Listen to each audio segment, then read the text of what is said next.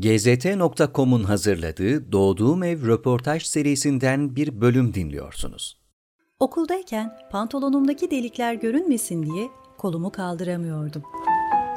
Azerbaycan'ın Karabağ şehrinden gelip Osmanlı'ya sığınan dedeleri, İkinci Dünya Savaşı'nın en zor günlerine denk gelen çocukluğu, babasının baskısıyla asker değil de avukat oluşu ve TRT, Kültür Bakanlığı, Başbakanlık gibi kurumlarda geri hizmetlere atılışı. Türkçenin yaşayan en büyük savunucularından usta şair ve yazar Yavuz Bülent Bakiler, bereketli ve tecrübelerle dolu ömrünün değerli hatıralarını doğduğum ev için anlattı. 1936 yılında Sivas'ta dünyaya geliyorsunuz. Dünyaya geldiğiniz bu ev nasıl bir evdi? Şimdi annemin bana anlattığına göre 1936 yılının 23 Nisan'ında davullar, zurnalar çalarken dünyaya gelmiş. Dünyaya geldiğim ve yaşadığım evi bugünkü gibi hatırlıyorum. Sivas'ta Bezirci Mahallesi'nde iki katlı ahşap bir ev. Ee, evimizin birinci katında aynı zamanda bir tandır bulunuyordu. Rahmetli annem ekmeklerimizi çok uzun yıllar o tandırda pişirdi. Ben çocukluk yıllarımı o evde mahalledeki diğer arkadaşlarımla birlikte geçirdim. Şimdi o evin ne olduğunu doğrusu bilmiyorum. Dedeleriniz Azerbaycan'ın Karabağ bölgesinden Türkiye'ye gelmişler. Hangi sebeplerle ve hangi şartlar altında geldiklerine dair malumatınız var mı? Evet, bunu babamdan birkaç defa dinledim. Dedelerim Azerbaycan'ın Karabağ şehrinin Ağdam köyünde e, yaşamışlar. Azerbaycan nüfusunun yarısından biraz fazlası Şiidir, diğeri Sünnidir.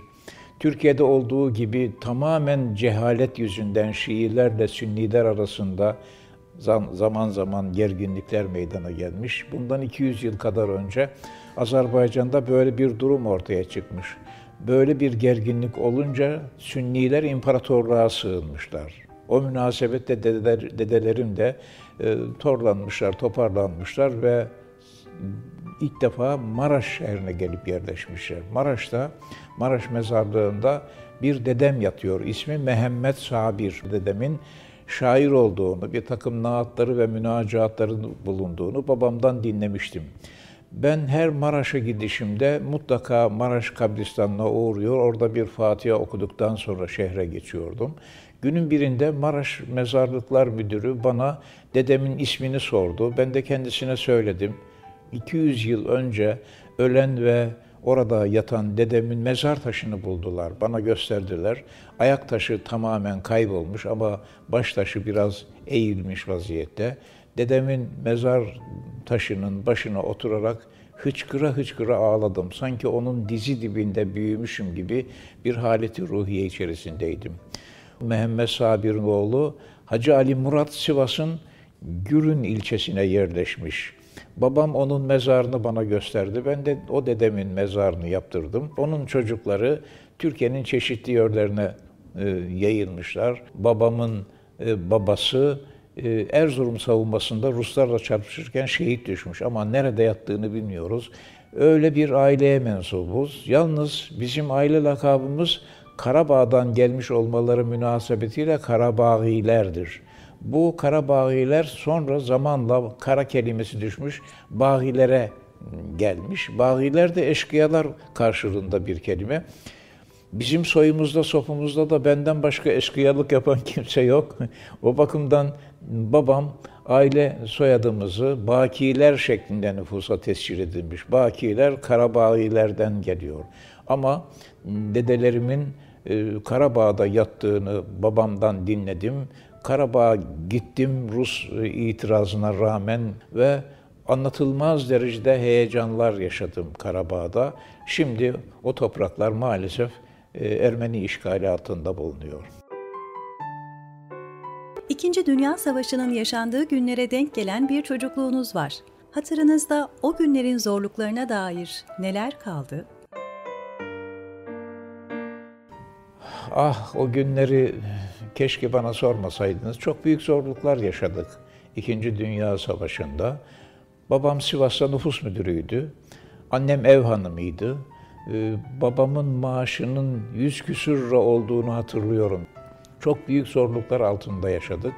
E, ortaokulda okuduğum yıllarda e, benim pantolonumun arka tarafında kocaman iki delik vardı. Bu annem tarafından müteaddit defalar yamanmıştı ama yama küçüktü, delik büyüktü.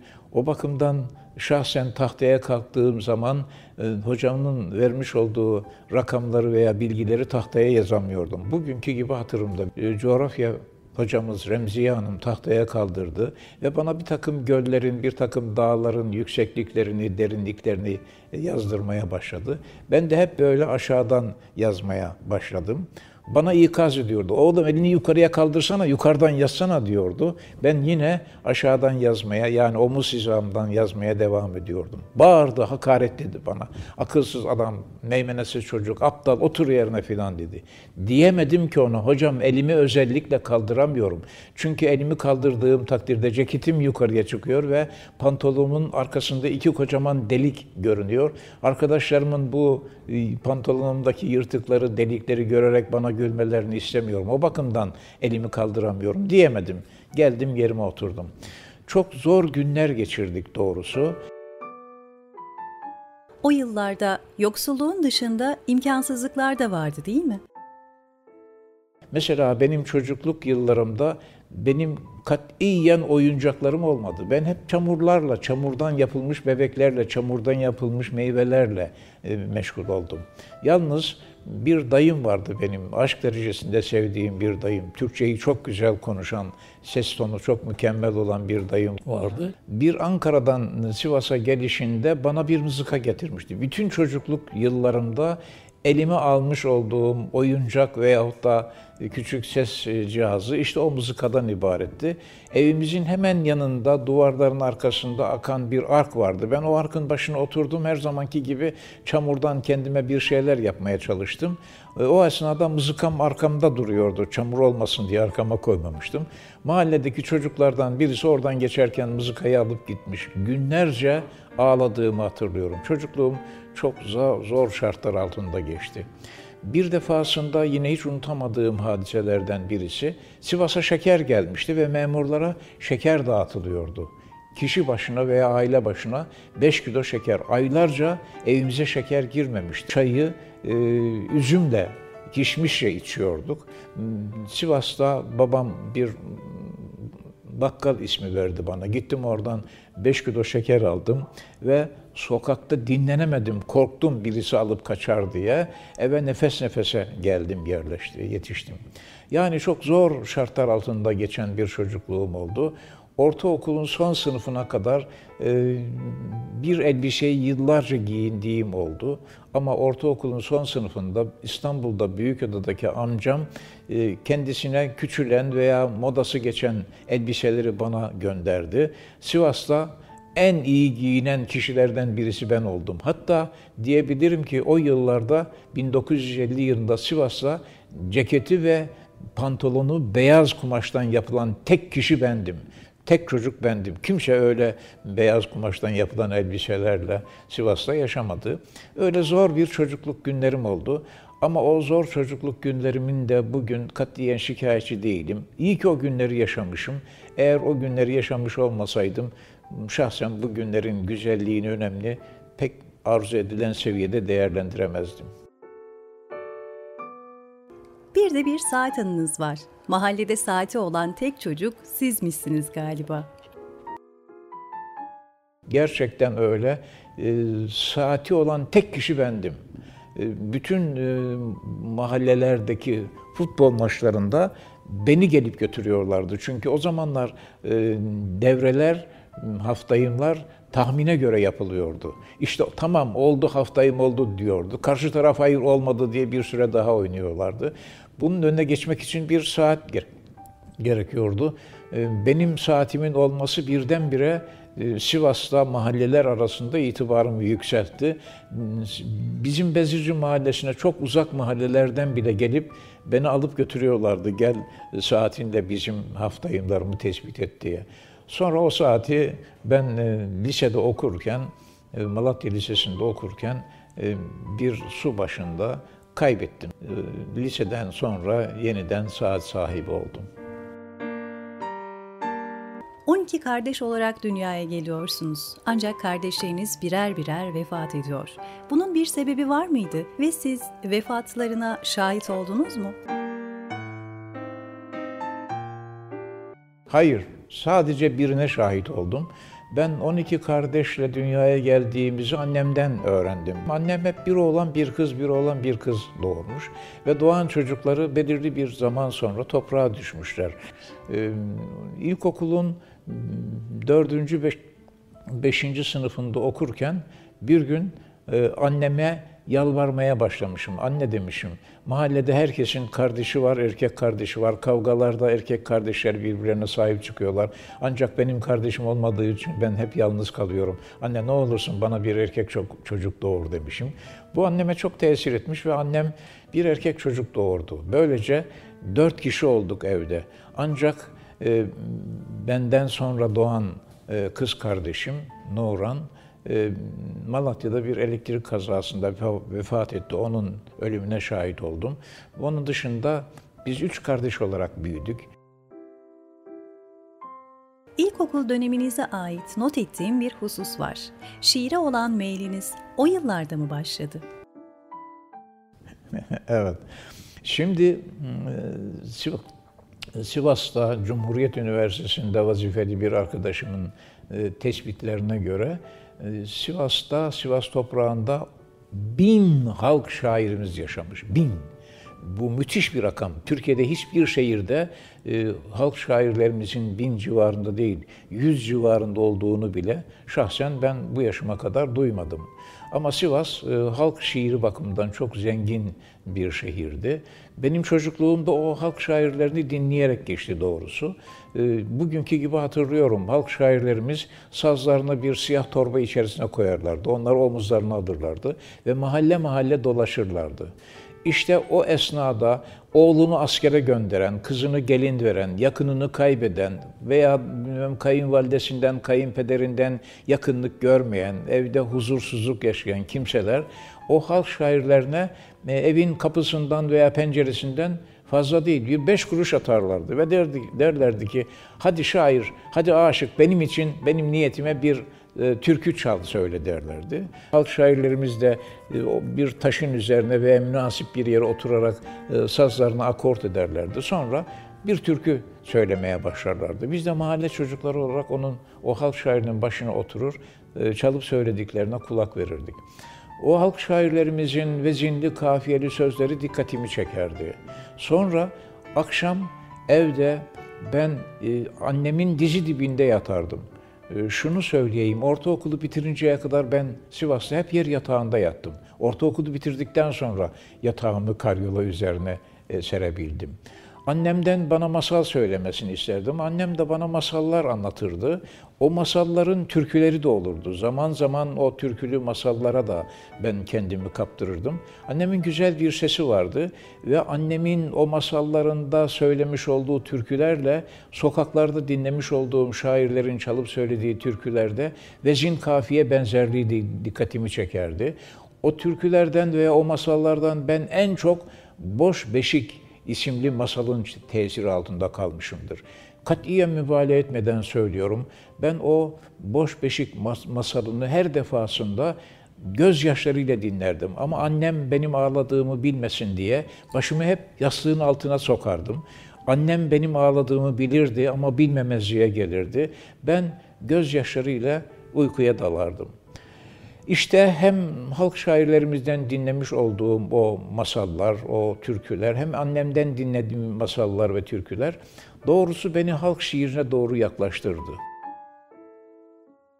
Yine ilkokulda öğretmenleriniz sizden günlük derslerinize dair şiirler yazmanızı istermiş. Günün birinde sınıf öğretmenimiz Makbule Yurder'i dedi ki çocuklar bir duvar gazetesi çıkarmak istiyoruz. İçinizde şiir yazan varsa, hatıralarını yazan varsa, başka konularda ıı, kalem tutan varsa yazılarını getirsin bana bu duvar gazetesine koyalım diye. Heveslendim ben de. Sivas üzerine bir şiir yazdım. Hiç unutmadığım bir hadisedir. Götürdüm, verdim. E, Makbule Yurder'i sınıf hocamız beğendi. Bu şiiri Duvar Gazetesi'ne koydu. Fakat sınıf arkadaşlarım bu şiirin babam tarafından yazıldığını iddia ettiler. Hayır bu şiiri sen yazmadın. Baban yazmıştır. Sen babanın yazdıklarına sahip çıkıyorsun diye üzerime geldiler. Acayip derecede anlatılmaz ölçüler içerisinde çok hassas bir çocuktum. Ağlaya ağlaya eve geldim. Babam niye ağlıyorsun oğlum dedi. Baba dedim böyle böyle bir şiir yazdım. Arkadaşlarım bunu senin baban yazmıştır diye itiraz ettiler. Oğlum buna üzülmemen lazım. Aksine sevinmen gerekir. Çünkü o şiiri benim seviyemde görmüşler. Niye üzülüyorsun? O şiiri sen yazmadın mı? Evet benim haberim bile yok nasıl bir şiir yazdığından. Aksine dedi, e, katiyen üzülmemene icap eder. Babamın o açıklaması doğrusu e, sesimi kesti, susturdu beni. Ama ben o şiir münasebetiyle sınıfın şairi olarak ilan edildim. Bugünkü gibi hatırımda mesela hmm, biyoloji dersinde sindirim sistemini okuyacağız. Sınıf öğretmenimiz diyor ki çocuklar yarın biyoloji dersinde, tabiat bilgisi dersimizde sindirim sistemini okuyacağız. Sınıfın şairi sindirim sistemi üzerine bir şiir yazıp gelsin. Sindirim sistemi üzerinde şiir yazılır mı? Nasıl bir şiir yazılır? Ama öğretmenim bunu böyle istediği için ve ben de şiir yazmaya heveslendiğim için oturuyordum. ve zinli ve kafiyeli ama baştan sona kadar saçma sapan bir takım mısralar, bir takım kısa, kıtalar karalıyordum. İşte sindirimin yollarında, bağırsakların kollarında, yağlarında, ballarında düşe kalka gideriz biz diye başlayan saçmalıklar. Sınıf öğretmenimiz önce bana o şiiri okutuyordu. Sonra arkasından sindirim sistemine geçiyordu. Derken günün birinde coğrafya dersinde hiç unutmadığım ve hatırladıkça hala güldüğüm bir durum. Coğrafyada Japonya'yı okuyacağız. Sınıf öğretmeni açıklıyor. Çocuklar yarın coğrafya dersinde Japonya'yı okuyacağız. Sınıfın şairi Japonya üzerine bir şiir yazıp gelsin. Japonya'yı görmemişim, Japonya'ya gitmemişim, Japonya'yı bilmiyorum. Ama öğretmenimiz istediği için oturuyorum. Japonya ile ilgili kısmı coğrafya dersinden gözden geçiriyorum. Ondan sonra yine saçma sapan mısralar yazıyorum. İşte Japonya, Japonya karşımda durup öyle gubarma, gubarmak kabarmak manasına. Karşımda durup öyle gubarma, var mı sende de bir Sivas'ta Konya filan diyorum. Sınıfta okuyorum bunu. O saçma sapan e, şiirlerimi böyle kenarları güzel güllerle filan süslü bir defterime yazmıştım. Hala anlatılmaz ölçüler içerisinde üzülüyorum o defterimi imha ettiğim için. Keşke yakmasaymışım, keşke ortadan kaldırmasaymışım ve bugün o sıralarda yazdığım şiirlerimi kahkahalarla okuyarak e, zamanımı güzelleştir, güzelleştirseymişim. İşte e, ilkokulda başlayan bu vezinli ve kafiyeli şiir merakım ortaokulda ve lisede devam etti. Yaşadığınız bir acının şiirinizde büyük etkisi olmuş. Lisede okurken, e, lisenin üçüncü sınıfındayken e, benden küçük kız kardeşim Nuran bir elektrik kazasında vefat etti. Bizim ailemizin çok büyük bir yıkım oldu ve ben hemen hemen her gün onun mezarı başına giderek oturdum, onunla ağlayarak konuştum, onunla e, zamanımı değerlendirmeye çalıştım. Derken günün birinde kız kardeşimin mezarı başında ben ilk defa serbest vezinde şiirler yazdım. Bu şiirlerimi Bir Ölünün Mektubu ismi altında yazdım ve o yıllarda yani 1953-1954 yıllarında İstanbul'da çıkan Türk Sanatı dergisine gönderdim. Türk Sanatı. Abidin Mümtaz Kısaküre'nin çıkarmış olduğu bir dergi. Hiç unutmuyorum ve beni çok teşvik eden bir durum bu. Bana dergi sahibinden yani Abidin Mümtaz Kısakürek'ten bir mektup geldi. Diyor ki seni dergimizin şairleri arasında kabul ediyoruz. Bundan böyle dergimizin her sayısı için bize bir şiir yaz gönder lisenin üçüncü sınıfında olan bir kimseye İstanbul'dan bir dergi sahibinden böyle bir mektup gelmesi kabul edersiniz ki çok teşvik edici bir rol oynar. Nitekim o mektup bende şiire karşı daha büyük bir ilgi uyandırdı ve ölüm şiirlerimi İstanbul dergilerinde yayınlamaya başladım. Kısa Kürek soy ismi geçti. Üstad Necip Fazıl'la bir alakası var mı? yakın akrabası olduğunu öğrendim. Galiba amcazadesi Necip Fazıl'ın. Sınıf öğretmenimiz Mustafa Ateş'ti. Ee, çok sevdiğim bir edebiyat öğretmeniydi. Bizim sınıfta söylemedi ama başka sınıflarda demiş ki çocuklar son aylarda İstanbul dergilerinde çıkan ölümle ilgili en güzel şiirleri arkadaşınız Yavuz Bülent yazıyor. Gelip bana söylediler. İnanamadım. Ona sordum, buna sordum. Ulan böyle söyledi mi Mustafa Ateş? Evet böyle söyledi dediler. Mustafa Ateş hocamın da bu şekildeki konuşması doğrusu beni şiire daha çok bağladı. Daha sonra şiirlerimi Yalnızlık ismi altında bir kitapta toplayınca o ölüm şiirimin ilkini Mustafa Ateş hocama ithaf ettim. Böylece lisenin 3. sınıfında İstanbul dergileriyle tanıştım. İşte 1953 yılından e, bugünlere kadar yazdıklarım dört ayrı kitap halinde yayınlandı. Yalnızlık, Seninle, Duak ve Harman. Sonra bunlar bir kitap haline getirildi. Harman ismi altında bir kitap haline getirildi. Ve yayın evinin bana söylediğine göre e, Harman isimli kitabım şaşıracaksınız. Doğrusu ben de çok şaşırdım. 110 bin tiraj yaptı. 110 bin baskı yaptı. Türkiye gibi bir ülkede e, esasen dikkate alırsak bunu değerlendir, batıyla değerlendirirsek devede kulak mesabesindedir ama ciddi bir rakam sayılır. E, bu şiir kitabımdan sonra ben ilk defa 1980'li yıllarda Yugoslavya'ya gittim. Orada yapılan bir şiir matinasına katıldım. Biliyor musunuz bizim devletimiz zaman zaman büyük yanlışlıklar yapıyor. O yıla kadar Avrupa'da veya başka ülkelerde yapılan şiir matinalarına bizim aziz devletimiz hep Marksist şairlerimizi gönderirdi. Onlar gitsinler de döndükten sonra bize yakınlık duysunlar, hakkımızda kötü düşünmesinler, kötü yazmasınlar diye. Gidenler ve gelenler de katiyen o devrin iktidarının lehinde tek satır yazmazlardı. O yıl nasıl olduysa ve nereden böyle bir rüzgar estiyse Yugoslavya'da yapılan şiir matinasına devletimiz beni göndermeye karar vermiş. Dışişleri Bakanlığımızla, Kültür Bakanlığımız. Ben e, Ankara Televizyonu'nda çalışıyordum. Şaban Karataş bizim genel müdürümüzdü. Yola çıkmadan önce kendisine söyledim. Dedim ki efendim bizim o topraklarda 500 yıllık bir tarihimiz var. Bana bir kamera verirseniz oradaki Türk eserleriyle ilgili bir televizyon programı da hazırlayabilirim. Elini masanın üzerine vurdu. Tamam dedi. Gittim. Orada gördüklerimi döndükten sonra bir televizyon programı halinde yayınladım. Tahminlerimin üzerinde bir büyük ilgi gördü. Benim nesrimde biraz şiirin tesiri tesir vardır. Yani kuru bir metin yazmıyorum. Şiirlerimin tesiriyle olsa gerek metinlerimi güzel hislerle e, örüyorum. Onu ben e, Üsküp'ten Kosova'ya aldığında bastırdım. Ve Türk Edebiyatı yayınlar arasında çıktı. Yine tahminlerimin fevkinde bir ilgi gördü. Doğrusu ilk kitabım Üsküp'ten Kosova'ya çıktıktan sonra ve çok büyük bir ilgi gördükten sonra kendi kendime dedim ki Yavuz Bülent sen bundan böyle sadece şiire bağlı kalmamalısın ve nesirlerle de edebiyatımıza hizmet etmelisin. Nesir kitaplarım da yayınlanmaya başladı. Bugün şiir ve nesir kitaplarımın sayısı 25'i bulmuş vaziyettedir ve yayın evinin bana söylediğine göre dünyada en az okuyan ülkelerden birisi bulunmamıza rağmen bu kitaplarımın tirajı 1 milyonu bulmuştur. Ciddi bir rakam. Bununla huzur duyduğumu söyleyebilirim.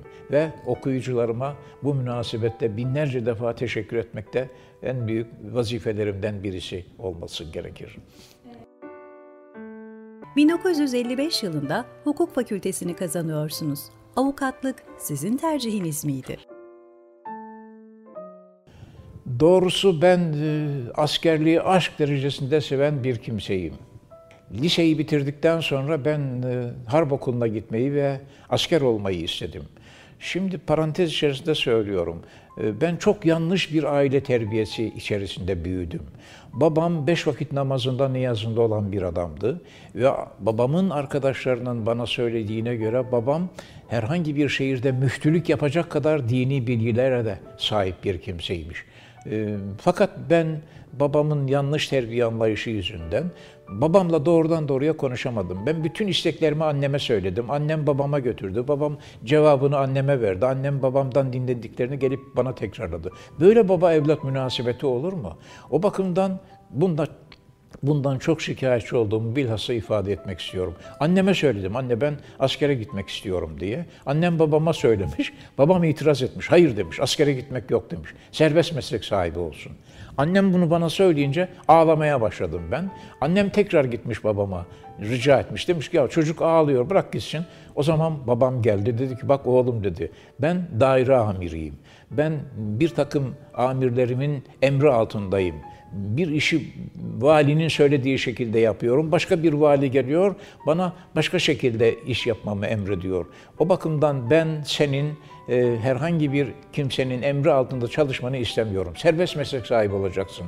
Eğer ısrar edersen asker olmak olmak konusunda e, sana 4 metre ip alırım gidersin e, Sivas'ta Garipler Pazarı'nda hamallık yaparsın. Memurluktan daha iyi. Ee, bütün bunlara rağmen yine ben asker olmak istiyorum, subay olmak istiyorum diyorsan benim oğlum değilsin dedi. Böyle sert konuşunca babam, kesin şekilde konuşunca ben e, hukuk fakültesini seçmek mecburiyetinde kaldım. Gittim Ankara Hukuk Fakültesine kayboldum. Sizin de tespit ettiğiniz gibi 1955 yılında fakültenin birinci sınıfına kaydoldum.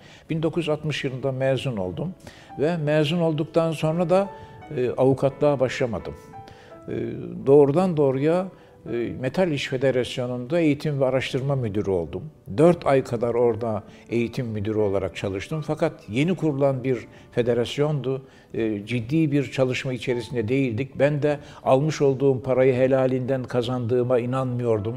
Federasyon Başkanı Kaya Özdemiroğlu ki hemşehrimizdi bizim Sivaslıydı. Ona gidip diyordum ki ya bir şeyler yapmalıyım ben Kaya. Böyle aydan aya hiçbir iş yapmadan e, maaş almak bana çok e, zor geliyor. Aldığım maaşı helal etmek istiyorum. Buraları silip süpüreyim, camları ben temizleyeyim, bir iş yapayım filan. Bana her defasında bekle biraz yeni kurulduğumuz için iş yok ama öyle zaman gelecek ki başını kaşıyacak zaman bulamayacaksın diyordu. Sonra ben dayanamadım. Dört ay sonra istifa ettim. Dört ay işsiz kaldım. Tahmin edemezsiniz çekmiş olduğum sıkıntıyı. Sonra Ankara Radyosu'na girdim ben. Radyoda aradığınızı bulabildiniz mi? Ankara Radyosu'nda dehşetli bir olayla karşı karşıya kaldım. Ee, dış yayınlar bölümünde program hazırlıyordum ben işçilerimiz için, Avrupa'da bulunan işçilerimiz için. Bir programda Almanya'da yaşayan bir işimiz bize soruyordu. Diyordu ki bizim e, Türkiye'mizin almış olduğu dış yazılıma burada e, faaliyette bulunan bir radyo durmadan itirazda bulunuyor. Bu itiraz, bu yayın Almanya'daki işçiler arasında bir bölünmeye sebebiyet verdi. Bir kısım arkadaşlar diyorlar ki vakti zamanında Rusya'dan yardım aldı, aynen ifade böyle, belini doğrulttu ama Türkiye'nin yardım almasına, belini doğrultmasına tahammül edemiyor, doğrusu nedir diye soruyordu. Ben de bu konuyu bildiğim için soruya cevap verdim. Dedim ki 1945 yılında Yalta'da Stalin'le Roosevelt arasında bir görüşme oldu. Rusya Amerika Birleşik Devletleri'nden yeni bir devlet kuracak kadar nakdi ve aynı yardım aldı. Arkadaşlarınızın Rusya'nın Amerika'dan e, nakdi ve aynı yardım alması doğrudur. E, o radyonun yayınlarına inanmayın, siz bizi dinlemeye devam edin diye bir program metni yazdım.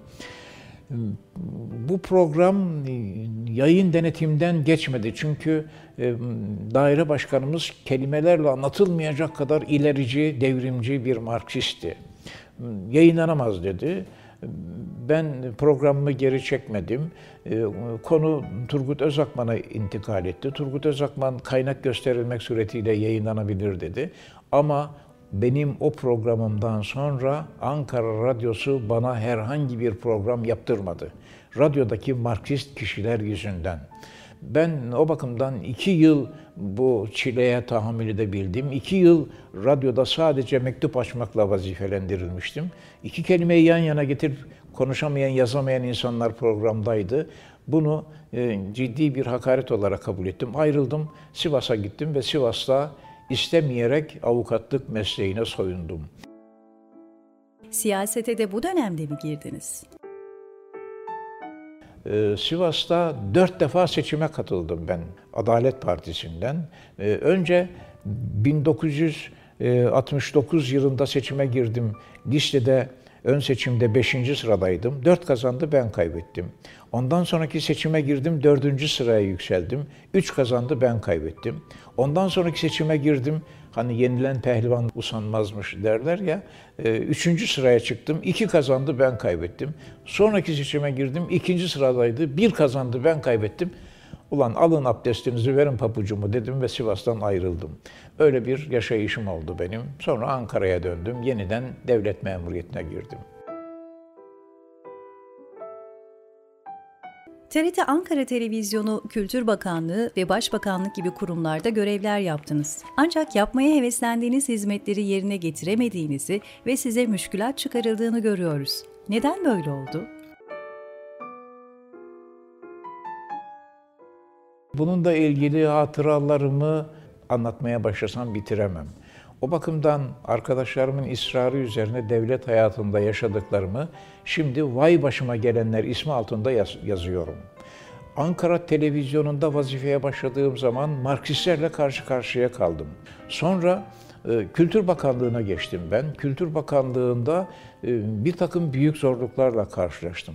Biliyor musunuz şimdi biz 2019 e, yılında yaşıyoruz. Cumhuriyetimiz 1923 yılında ilan edildi. 1923 yılından 2019 yılına kadar aziz devletimiz milli mücadelemize hizmet eden kumandanlarımızdan hiçbirisinin ama hiçbirisinin eserine sahip çıkmamıştır. Sadece Atatürk'ün Büyük Nutuk isimli eserini basmıştır.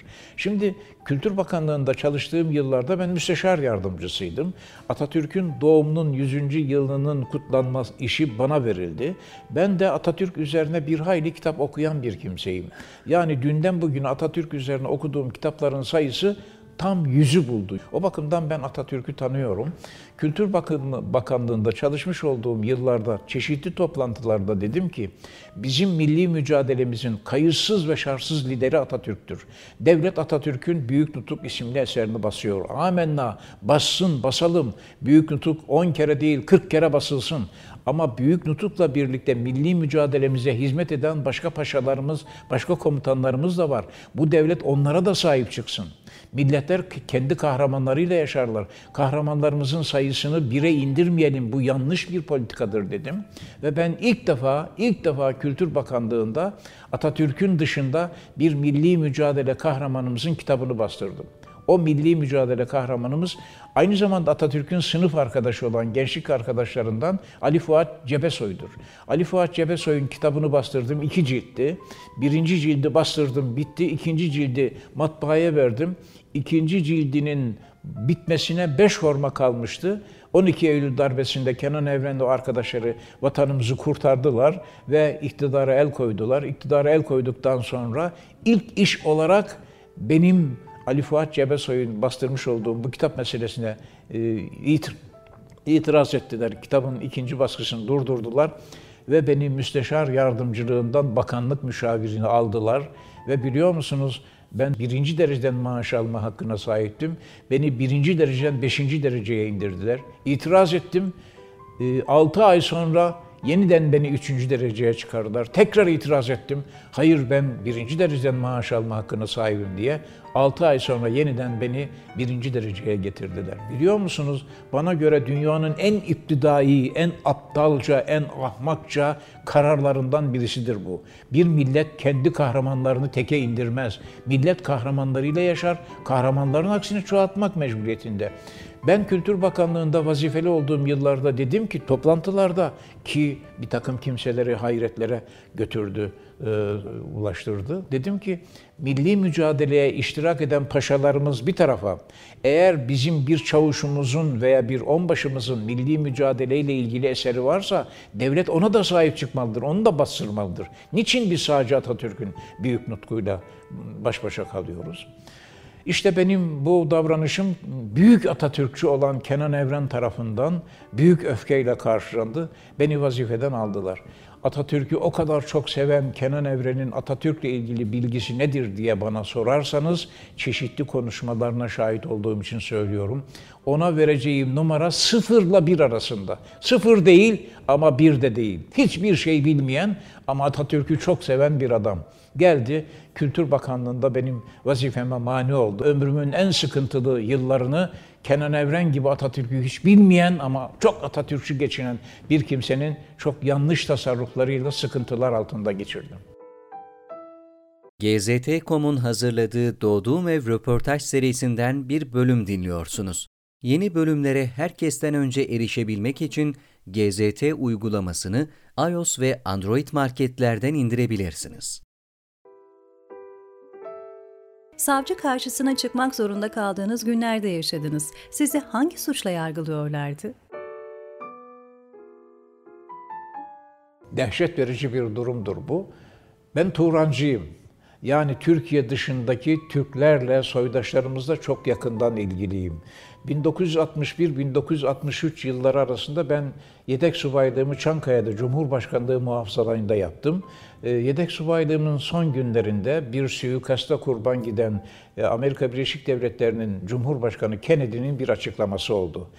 Kennedy diyordu ki dünyanın neresinde yaşıyorsa yaşasın, bir Amerikan vatandaşı dünyanın neresinde yaşıyorsa yaşasın, bilinmelidir ki bütün Amerika milletinin, Amerikalıların kalbi o kişiyle birlikte çarpmaktadır. Beni çok duygulandırdı. Bir ciddi devlet başkanı kendi vatandaşına böyle sahip çıkar. O yıllarda Fransa Cumhurbaşkanı General de Gaulle'ün bir açıklaması oldu. Kennedy'nin açıklamasına çok benziyor. Dedi ki dünyanın neresinde bir Fransız vatandaşı yaşıyorsa, tek başına yaşayan bir Fransız vatandaşı yaşıyorsa, o kişiye yapılan bir haksızlık bütün Fransa milletine yapılmış gibidir. Onu öyle değerlendiririz. O da kendi vatandaşına böyle büyük duygularla bağlı olan bir kimseydi. Babam benim Turan düşüncesindeydi. Babamın almış olduğu dergilerden Türkiye dışındaki Türklerden haberdar oldum. O dergileri okuyarak, o dergilerdeki yazıları, şiirleri okuyarak onlara karşı çok yakın bir ilgi duydum. Ee, onu hem konuşmalarımda yani o duyguyu, o fikri hem konuşmalarımda hem yazılarımda ifade ettim. Ama bizim Milli İstihbarat Teşkilatı'nda lütfen bunu çıkarmayınız. Lütfen bu kelimeyi olduğu gibi yayında e, muhafaza ediniz. Çok aptal, çok ahmak insanlar yaşıyor. Onlar Türkiye dışında yaşayan soydaşlarımıza bir ilgi duymayı çok büyük bir suçmuş gibi görüyorlar ve gösteriyorlar. O bakımdan benimle ilgili Milli İstihbarat raporunda benim Türkiye dışındaki Türklere çok yakın bir ilgi duyduğumu, Turancı olduğumu belirtmişler. Doğru. Moskova'da da benim bir dosyamın olduğunu Azerbaycan'a gittiğim zaman öğrendim. Ruslar da bunu böyle tutmuşlar. Bu yakınlık e, çeşitli makamlarda büyük bir suç gibi görülüyordu bir zamanlar. O bakımdan e, Milli İstihbarat'ın tutmuş olduğu rapor e, bazı yetkili kişilerin mesela Kenan Evren'in önüne konulduğu zaman onları çok korkutuyordu ve beni geri hizmete çekmeye çalışıyorlardı. Ben bundan aşağı yukarı bir ay kadar önce Kırgızistan'a gittim. Orada gördüm. Kırgızistan'da bizim devletimizin açmış olduğu üniversiteler var. Milyonlarca dolar harcamışlar. Kırgızistan'da bizim e, çeşitli kuruluşlarımızın yapmış oldukları yatırımlar var. yani ben bunları yıllarca önce dikkate aldığım için, yazdığım için suç mu işledim? Milli istihbarata göre suç işledim. O bakımdan beni e, devlet hizmetinde geri hizmetlere çektiler ve beni cezalandırmak yoluna gittiler. Bugün Türkiye bizim sınırlarımızın dışında bulunan yeni Türk Cumhuriyetleri ile çok ciddi münasebetler içerisindedir. Ve benim tespitlerime göre Türkiye'nin kalkınması çağdaş medeniyet seviyesine yükselmesi, Batı dünyasından katiyen kopmamak kaydıyla yeni kurulan Türk Cumhuriyetleriyle siyasi, iktisadi ve kültür münasebetleri kurmasına bağlıdır. Buna benzer şekilde yakın bir tarihte 28 Şubat sürecinde Şile'de çok enteresan bir durum yaşıyorsunuz değil mi? Evet. Dehşet verici bir takım cehaletlerle karşı karşıya kaldım. Şimdi biliyor musunuz, e, gerçi bunları söylemek çok büyük bir suçtur ama söylemek durumundayız. E, artık bunları konuşmaya başlamalıyız.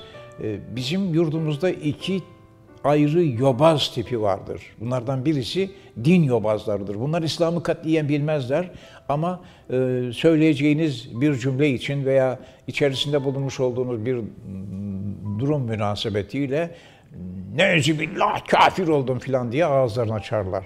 Sevgili Peygamberimiz buyuruyor ki zorlaştırmayınız, kolaylaştırınız, nefret ettirmeyiniz, sevdiriniz. Bu din yobazları aksine sevdirmekten ziyade nefret ettirmeye, kolaylaştırmaktan ziyade zorlaştırmaya gidiyorlar. Bu din yobazlarının yanında bir de Atatürk yobazlarımız vardır. Bunlar çok dehşetli adamlardır ve bunlar çok tehlikeli insanlardır. Bunlar Atatürk'ü katiyen okumamışlardır katiyen bilmemektedirler. Okumadıkları, bilmedikleri halde siz Atatürk'le ilgili yüzde yüz doğru bir fikri ortaya koyduğunuz zaman derhal sizi Atatürk düşmanı diye suçlamaktadırlar. Biliyor musunuz? Türkiye'de bu Atatürk yobazları din yobazlarından çok daha fazla tehlikelidir. Ama Atatürk yobazları hakkında söyleyeceğiniz söz adeta yoktur. Yapacağınız hareket adeta yoktur. Susmak ve suçlu olmak durumunda e, bulunursunuz. Şimdi ben e, Şile'de Şile Belediye Başkanı'nın daveti üzerine bir e, sohbet toplantısına katıldım. Bir salona aldılar beni. Dikkatimi çekti. Salonun e, koltuklarının önünde iki koltuk daha var. O iki koltukta baktım bizim bir deprem profesörümüz vardı. Ee, ismi Ahmet soyadı neydi? Bizim deprem profesörümüz oturuyor karısıyla birlikte. Ben konuşmaya başladım. Orada Türkçe ile ilgili tespitlerimi anlatmaya çalıştım. Benim Türkçe üzerine biliyor musunuz çok uzun çalışmalarım oldu. Türkçe üzerine yayınlanmış iki kitabım var. Türkçe'ye yapmış olduğum hizmetler münasebetiyle bana çeşitli kuruluşlar tarafından takdirnameler verildi. Bahsi diğer. Orada da dilimizin e, bir takım kimseler tarafından bazı çıkmazlara sokulmak istendiğini anlattım ve örnekler verdim. Dedim ki e, üniversitede okuduğum yıllarda bize bazı kaideler ezberletildi. Mesela anayasa hukuku dersinde şöyle bir kaide ezberletildi bize. E, Tarik-i am üzerinde nasın müsellah olarak tecemmu memnudur. Kezalik nasın tarik-i am üzerinde gayri müsellah olarak tecemmu memnudur. Sonra dedim yine o yıllarda aklımda kalan bir başka e, e tarif var mütesaviyen mudalla bir müsellesin re'sinden kaidesine indirilen hattı müstakim kaideyi iki müsavi parçaya taksim eder. Ben bunları açıklar açıklamaz en ön sırada oturan o deprem profesörü birdenbire ayağa kalktı ve sesinin en yüksek tonuyla bağırmaya başladı. Aynen. Burası Atatürk Türkiye'sidir dedi. Sen orada bir takım ayetler okuyarak Atatürk Türkiye'sini geri gösteremezsin. Laikliği ihlal edemezsin. Seni protesto ediyorum diye bağırmaya başladı. Şaşırdım kaldım. Önce bu adamın e, şaka yaptığını filan diye e, düşündüm. Fakat karısı kocasının koluna girdi, zorla dışarıya çıkarmaya çalıştı. Salonda dinleyicilerle karşı karşıya kalınca dedim ki görüyorsunuz, içerisinde bulunmuş olduğumuz dehşetli cehaleti görüyorsunuz. Ben burada bir ayet-i kerime falan okumadım. Kaldı ki ben burada bir ayet-i kerime okusam da bu laikliği ihlal manasına gelmez. Burada size fakülte yıllarında bize öğretilen bir tarifi tekrarlamak istedim. Yani anayasa hukuku dersinde Bülent Nuri Esen bu tarihiyle bize demek istiyordu ki umumi yollar üzerinde halkın silahlı olarak toplanması yasaktır. Aynı şekilde umumi yollar üzerinde halkın silahsız olarak toplanması da yasaktır. Bunu böyle öğretmek varken tarik-i am üzerinde nasın müsellah olarak tecemmu memnudur şeklindeki kelimelerle ortaya koymanın öğretmenin bir faydası yok. Bunun doğru bir ifade tarzı olduğunu kabul etmiyorum. Ee, birkaç gün sonra e, oturduğum evin kapısı çalındı. Gittim kapıyı açtım. Baktım bir polis karşımda. E, Şile Cumhuriyet Savcılığı tarafından e, davet ediliyorsunuz. Şile'ye gideceksiniz dedi. Davetnameyi aldım. Gittim Şile'ye. Öğrendim ki o deprem profesörümüz ee, benim konuşmamı dinledikten sonra Şile Cumhuriyet Halk Partisi ilçe başkanına gitmiş bir avukat hanım. Demiş ki siz burada böyle oturuyorsunuz. Yavuz Binen salonda bir takım ayet-i kerimeler okuyarak laikliği ihlal ediyor. Ne biçim e, tavır bu? Kadın da hemen adamcağızı almış yanına, garnizon kumandanına çıkarmış. Ee, siz burada oturuyorsunuz albayım ama Yavuz Bülent orada e, laikliği ihlal eden konuşmalar yapıyor diye şikayette bulunmuş. Ee, albay da ikisini yanına alarak savcılığa gelmiş. O da yine savcıya aynı şekilde tarizde bulmuş. Savcı bey siz burada böyle oturuyorsunuz. Yavuz Bülent konuşmasıyla bir takım ayet-i kerimeler okuyarak laikliği ihlal eden eder şekilde e, beyanlarda bulunmuş diye şikayette bulunmuş. Savcı da demiş ki ben bunları savcıdan dinledim. Efendim Türkiye'de herkesin suç işleme hakkı vardır, hürriyeti vardır. Şu adam bu adam suç işleyecek diye ben arkasına takılamam. Varsa suç işleyen bir kimse ve siz onlardan şikayetçiyseniz bildirin bana ben gerekeni yaparım. Şikayetçiyiz demişler. Kimden? Yavuz Bülent'ten. Niçin? Laikliği ihlal eder şekilde konuştu. Atatürk ilke ve inkılapların aleyhinde beyanda bulundu diye. Savcı diyor ki bana böyle şikayette bulundular. Dikkat edin hanımefendi çok mühim. Adalet Bakanlığı'ndan telefon geldi. Şile'de laikliği ihlal eden Atatürk ilke ve inkılaplarının aleyhinde konuşan Yavuz Bülent hakkında derhal takibata başlayacaksınız diye. Bana telefonla emir geldi. Ben de dedim ki şikayet var efendim takip ediyorum. Sonra ee, onların gösterdiği şahitleri dinledim. Hiçbirisi sizin laikliği ihlal eder şekilde konuşmadığınızı, katiyen bu konuda bir beyanda bulunmadığınızı söylediler. Ben Şile'de kimseyi tanımıyorum. Onların gösterdiği şahitler. Ben de konuşmanızı baştan sona kadar dikkatle dinledim. Şile Belediyesi benim Şile'de yapmış olduğum konuşmayı banta almış. Hangi münasebette banta almış? İyi ki banta almış. Konuşmanızı baştan sona kadar dinledim, gördüm ki katiyen böyle bir durum yok. Ama bir şikayet var ben sizin de ifadenizi almak durumundayım dedi. İfademi verdim. Ne diyorsunuz dedi. Utanıyorum dedim. Bu cehaletten, bu yobazlıktan, bu modern yobazlıktan utanıyorum ve iğreniyorum dedim. Cumhuriyet Savcısı takipsizlik kararı verdi. Yaşamak için neden İstanbul'u tercih ettiniz ve emeklilik günlerinizi nasıl değerlendirdiniz? Adama sormuşlar, e, memleketin neresi demişler. E, sen evli misin demiş. E, soru soran evet evliyim. Sen bilirsin o zaman demiş. Evlenince insan hanım memlekette oluyor demiş. Şimdi ben de emekliye ayrıldıktan sonra karımın annesi ve babası İstanbul'da yerleştikleri için İstanbul'a geldim. Benim kayınpederim, kayınvalidem çok müthiş insanlardı, çok mükemmel insanlardı. Biliyor musunuz e, Türk edebiyatında kayınvalidesi üzerine ilk şiir yazan adam benim. Ve bunu çok büyük bir açıklıkla söylüyorum. Ben kayınvalidemin ayaklarını öptüm, ayağını öptüm. Neden biliyor musunuz? Hiçbir zaman beni karımın yanında müşkül durumda bırakmadı da ondan. Karımla zaman zaman Türkçe konusunda aramızda münakaşalar oldu. O münakaşalarda ben karımın haklı olduğunu gördüm ama garip bir haleti ruhiye ile Hatamda ısrar ettim. Hayır benim söylediğim doğru diye. O zaman anneme soralım dedi. Peki anneme soralım deyince ben itiraz et, etmedim. Geldi annesine sordu. Anne Bülent şu şiirde şöyle bir mısra yazmış veya şu yazısında şöyle bir cümlesi var. Ne diyorsun anne bu cümle doğru mu bu mısra doğru mu diye sordu annesine.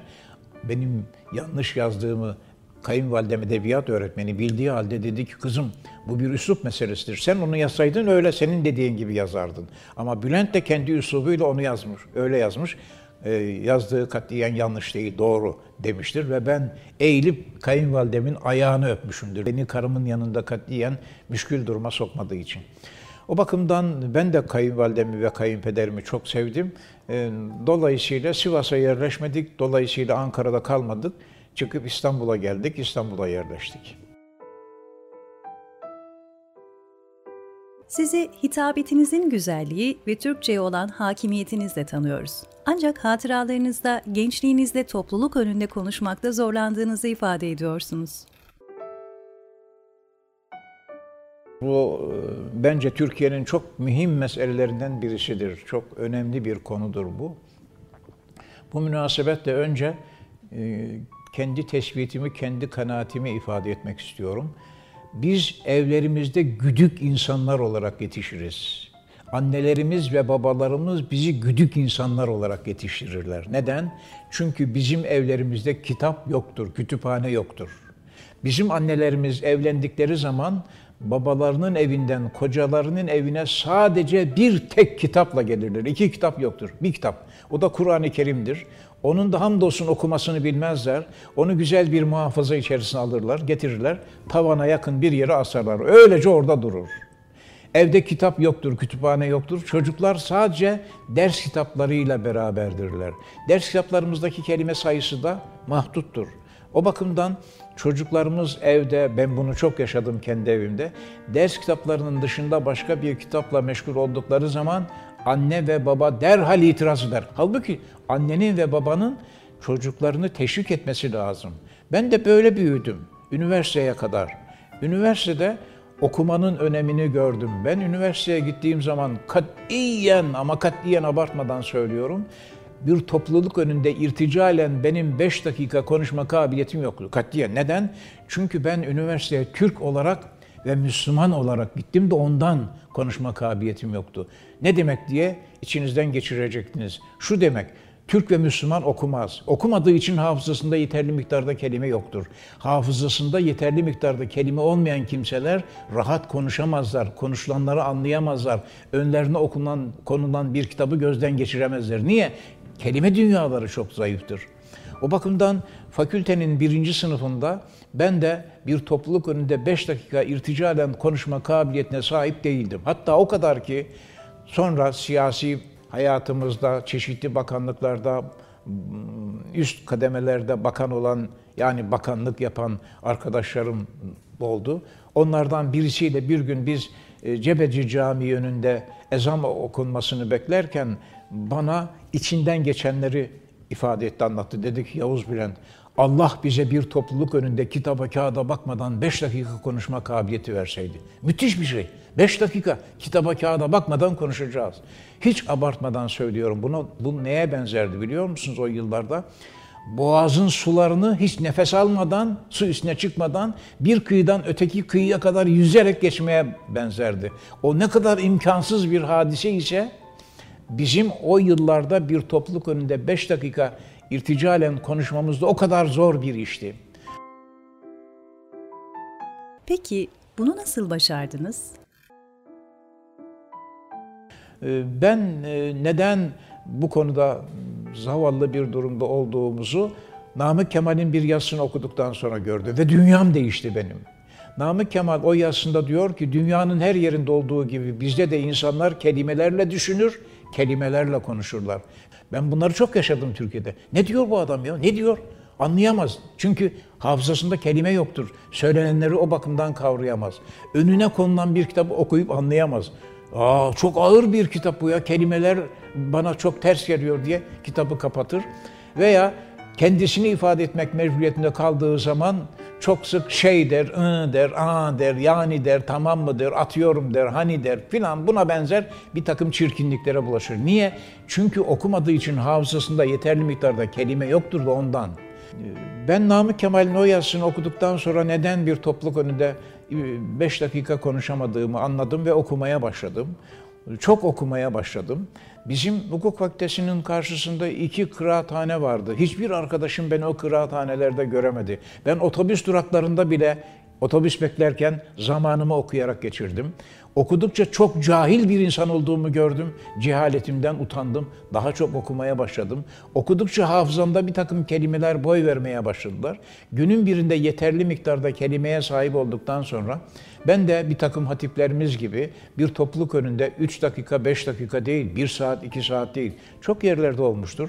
3 saat, 4 saat hiç durmadan ama bu süre içerisinde şey yani ı, a demeden konuşma imkanlarına sahip oldum. Kim okursa, kim hafızasındaki kelime dünyasını geliştirirse kayıtsız ve şartsız bu imkanlara sahip olacaktır. İngiltere'de eğitim sistemlerinde 71 bin kelime bulunuyor. Kültür Bakanlığı'nda çalışmış olduğum yıllarda önüme konulan dosyalardan, bilgilerden aklımda kalanları size söylüyorum. 71 bin kelime. Ee, Japonya'da 40 bin kelime var. İtalya'da 32 bin kelime var çocukların okul kitaplarında. Türkiye Cumhuriyeti'nde okul kitaplarında sadece 6-7 bin kelime bulunuyor. Yani ilkokuldan üniversiteye kadar okuyan çocukların ders kitaplarında 6-7 bin kelime var ve bizim sevgili çocuklarımız da bu 6-7 bin kelimenin sadece yüzde onuyla düşünüp konuşuyorlar. Gittim, geldim, baktım, gördüm, ağladım, açıldım, doydum gibi kelimeler. Bunlar sokak Türkçesi. Bu kelimelerin dışına çıkmadıkları için çocuklarımız konuşamıyorlar ve konuşulanları anlayamıyorlar.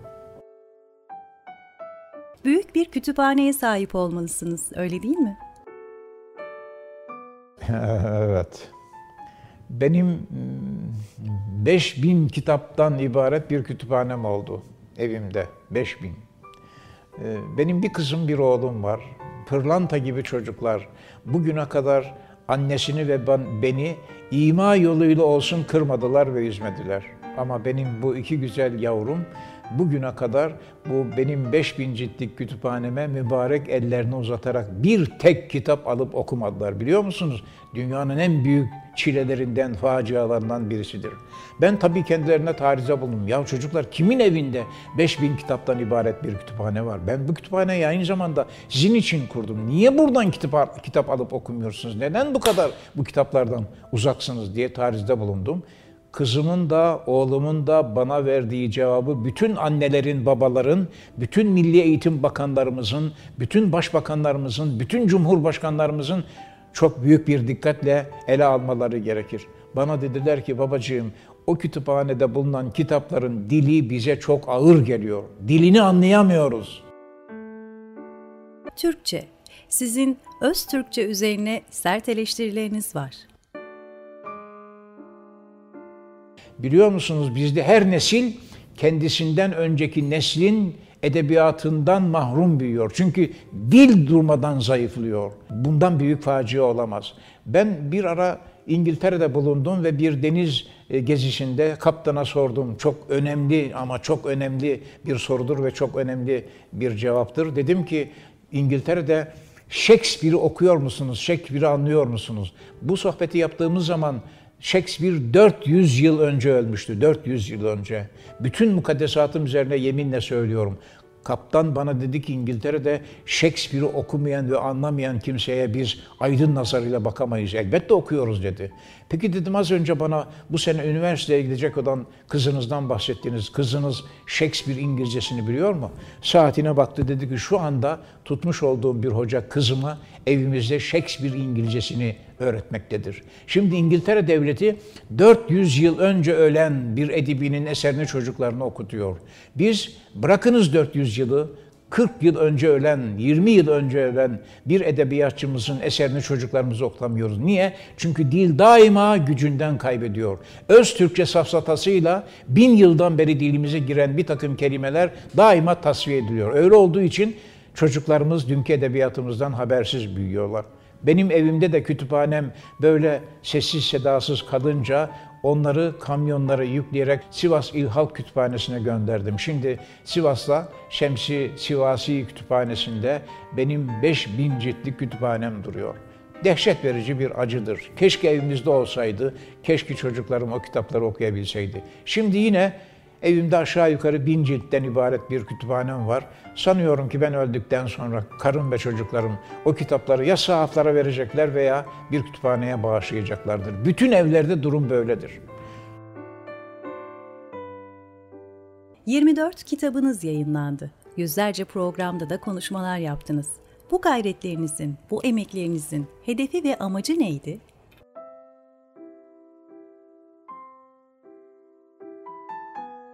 Bu çalışmalarımın e, maksadı, gayesi e, hem gördüklerimi yazmak hem de Türk dünyası ile Türkiye arasında bir kültür birliği meydana getirebilmek.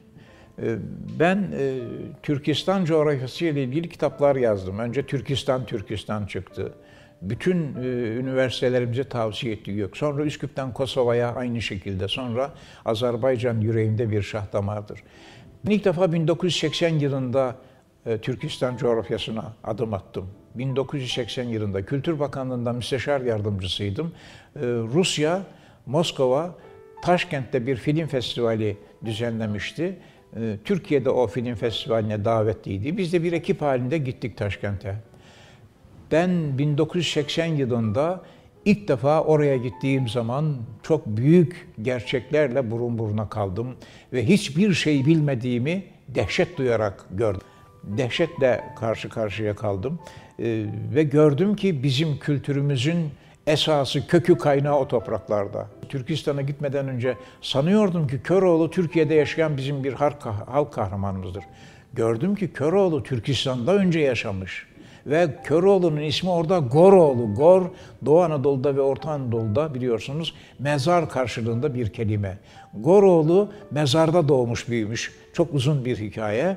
Sonra arkadaşı dikkat edin. Arkadaşı Eyvaz'la birlikte Çendibil Dağı'nda annesinin, babasının, milletinin düşmanlarına karşı savaş açmış. Şimdi dikkat ettim. Türkiye'de Köroğlu Çamlıbel Dağı'nda yaşamış, e, Türkistan'da Çendibil Dağı'nda yaşamış. Türkiye'deki Köroğlu'nun arkadaşının ismi Ayvaz, orada Köroğlu'nun isminin arkadaşı e, Eyvaz. E, dolayısıyla Köroğlu destanı oradan gelmiş. Ben orada öğrendim, gördüm. San, ben sanıyordum ki Nasrettin Hoca bizim topraklarımızda yaşayan bir halk filozofumuzdur. Orada Efendi ismi altında Nasrettin Hoca karşıma çıktı ve ondan onunla ilgili fıkralar dinledim. Kahkahalarla gülmeye başladım. Anladım ki Nasrettin Hoca o topraklarda doğmuş, büyümüş. Biz Nasrettin Hoca fıkralarını veya esprilerini oralardan getirmişiz Anadolu'ya. Bu ve bunun gibi dilimizin, tarihimizin, geleneklerimizin, göreneklerimizin kaynağının o topraklar olduğunu gördüm. O bakımdan onlarla ilgili kitaplar yazdım. O kitaplarımın tirajının 1 milyon olduğunu bana yayın evi söyledi. Kitaplarımı okuyan kimseler oradaki soydaşlarımıza ve kültür değerlerimize karşı yakın bir ilgi duymaya çalıştılar. Benim de maksadım budur. Millet bir kültür beraberliğinden ibarettir. Biz öyle Anadolu'da büyüyen bir millet değiliz. Bizim bin yıllık, beş bin yıllık geçmişimiz, tarihimiz var. O Türkistan topraklarından e, başlayarak Anadolu'ya geliyor. Benim vazifem de dünle bugün arasında kendi imkanlarım içerisinde küçük çapta bir köprü kurmaktır. Anne üzerine en çok şiir yazan şairlerimizden birisi sizsiniz. Müstakil bir eseriniz de var.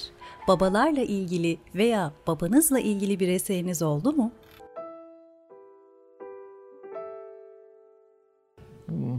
Benim çok büyük bir acıma e, parmak basıyorsunuz. E, hayır, benim babamla ilgili bir tek şiirim olmadı. Çünkü babam e, İslami bilgiler bakımından çok zengin bir muhtevaya sahip olmasına rağmen İslam'ın emrettiği bir sistem içerisinde değildi. Yani babam benimle konuşmuyordu terbiyem bozulmasın diye. Bu dünyanın en yanlış terbiye sistemidir. Ee, benim yaşımda olan kimseler de aşağı yukarı bu terbiye sistemi içerisinden geçmişlerdir. Babam bizim evimizde bir general hüviyetindeydi. Biz de onbaşı seviyesindeydik. Ben herhangi bir meselemi, meselemi doğrudan doğruya babama anlatamazdım. Anneme söylerdim, annem babama söylerdi. Babam cevabını anneme verir. Böyle terbiye sistemi olmaz, böyle baba evlat münasebeti olmaz. Belki şaşıracaksınız ama bütün mukaddesatım üzerine yeminle söylüyorum. Benim televizyon konuşmalarım oldu, benim radyo konuşmalarım oldu. Sivas'ta siyasi hayata atıldım, benim meydan konuşmalarım oldu. Babam bütün bu konuşmalarıma şahit oldu. Ama yeminle söylüyorum, bu konuşmalarımdan bir teki hakkında babam bana bir tek cümle söylemedi. Niçin? Terbiyem bozulurmuş babam bu konuda kanaatlerini bana söyleyince. Bu e, yerle gök arasını dolduracak kadar yanlış bir düşünce sistemidir. O bakımdan ben e, lise sıralarında serbest vezinle şiirler yazdım, gönderdim. Babam aruz vezniyle, babam hece vezniyle okuyan e, yazılan şiirleri okuyan bir kimseydi. O şiirlerimi dergilerde görünce getirip masamın üzerine çarpıyordu. Nedir lan bu saçma sapan e, yazdıkların? Yakışıyor mu bunlar sana? Yazma. Yazacaksan e, Mehmet Akif gibi yaz. Yazacaksan Cenab-ı Şahabettin gibi yaz. Yazacaksan Namık Kemal gibi yaz diye itiraz ediyor. Baba diyordum ben e, ayrı bir devirde yaşıyorum. Benim serbest vezinle yazmış olduğum şiirler elbette onun onların şiirleriyle mukayese edilemez. Korkuyordum şiirlerimin babam tarafından e, görünmesinden. O bakımdan benim ilk şiirim e, Yalnızlık ismi altında çıktı ve ben ilk şiirimi Büyük Adada e, hakim olarak çalışan amcam İbrahim Bakilere ithaf ettim. Korktum babama bu kitabımı ithaf etmekten çünkü babamın beni e, suçlandıracağını, gelip bu şiirlerle ilgili e, bir takım öfkeli cümlelerle beni yaralayacağını düşündüm. O bakımdan doğrusu e, babam üzerine şiir yazmadım. Daha çok anneler üzerine, annem üzerine şiir yazdım. Çünkü benim çocukluk yıllarımda hayatımı güzelleştiren annem oldu. Annemden herhangi bir kötü hareket de görmedim. E, o bakımdan e, sizin de ifade buyurduğunuz gibi Türk Edebiyatı'nda analar üzerine en çok şiir yazan kimselerden birisi benim. İlk sırada Arif Nihat Asya Üstadımız bulunuyor. Ee, anlatılmaz ölçüler içerisinde çok değerli bir şairimizdir. Hem nesri hem şiiri çok güzeldir. Ama Arif Nihat Asya e, Türk olduğu için, Müslüman olduğu için, anti-Sovyet olduğu için yani komünist olmadığı için Arif Nihat Asya Türkiye'de yeteri kadar tanınan bir edibimiz değil. Ama muhteşem, üstü muhteşem bir kimsedir. Parantez içerisinde söylüyorum ben e, Nazım Hikmet'in bütün şiir kitaplarını, Nazım Hikmet'in kitapları Türkiye'de yasaklı olduğu yıllarda Bulgaristan'dan getirerek okudum. Türkiye Türkçesiyle yazılan kitaplardı. Ve Nazım Hikmet'in romanlarını da okudum. Nazım Hikmet'in Türkçesi benim Türkçemdir. Onu 10 üzerinden 10 veriyorum. Yaşayan canlı bir Türkçedir.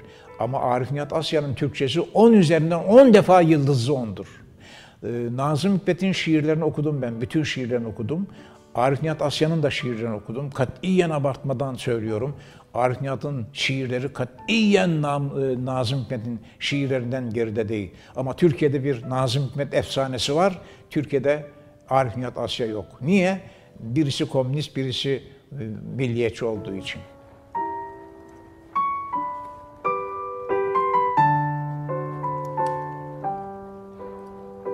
Daha çok anneler üzerine, annem üzerine şiir yazdım. Çünkü benim çocukluk yıllarımda e, hayatımı güzelleştiren annem oldu. Annemden herhangi bir kötü hareket de görmedim. E, GZT.com'un hazırladığı Doğduğum Ev röportajını dinlediniz. Bu röportajı izlemek ve diğer bölümlere erişmek için gzt.com uygulamasını indirin.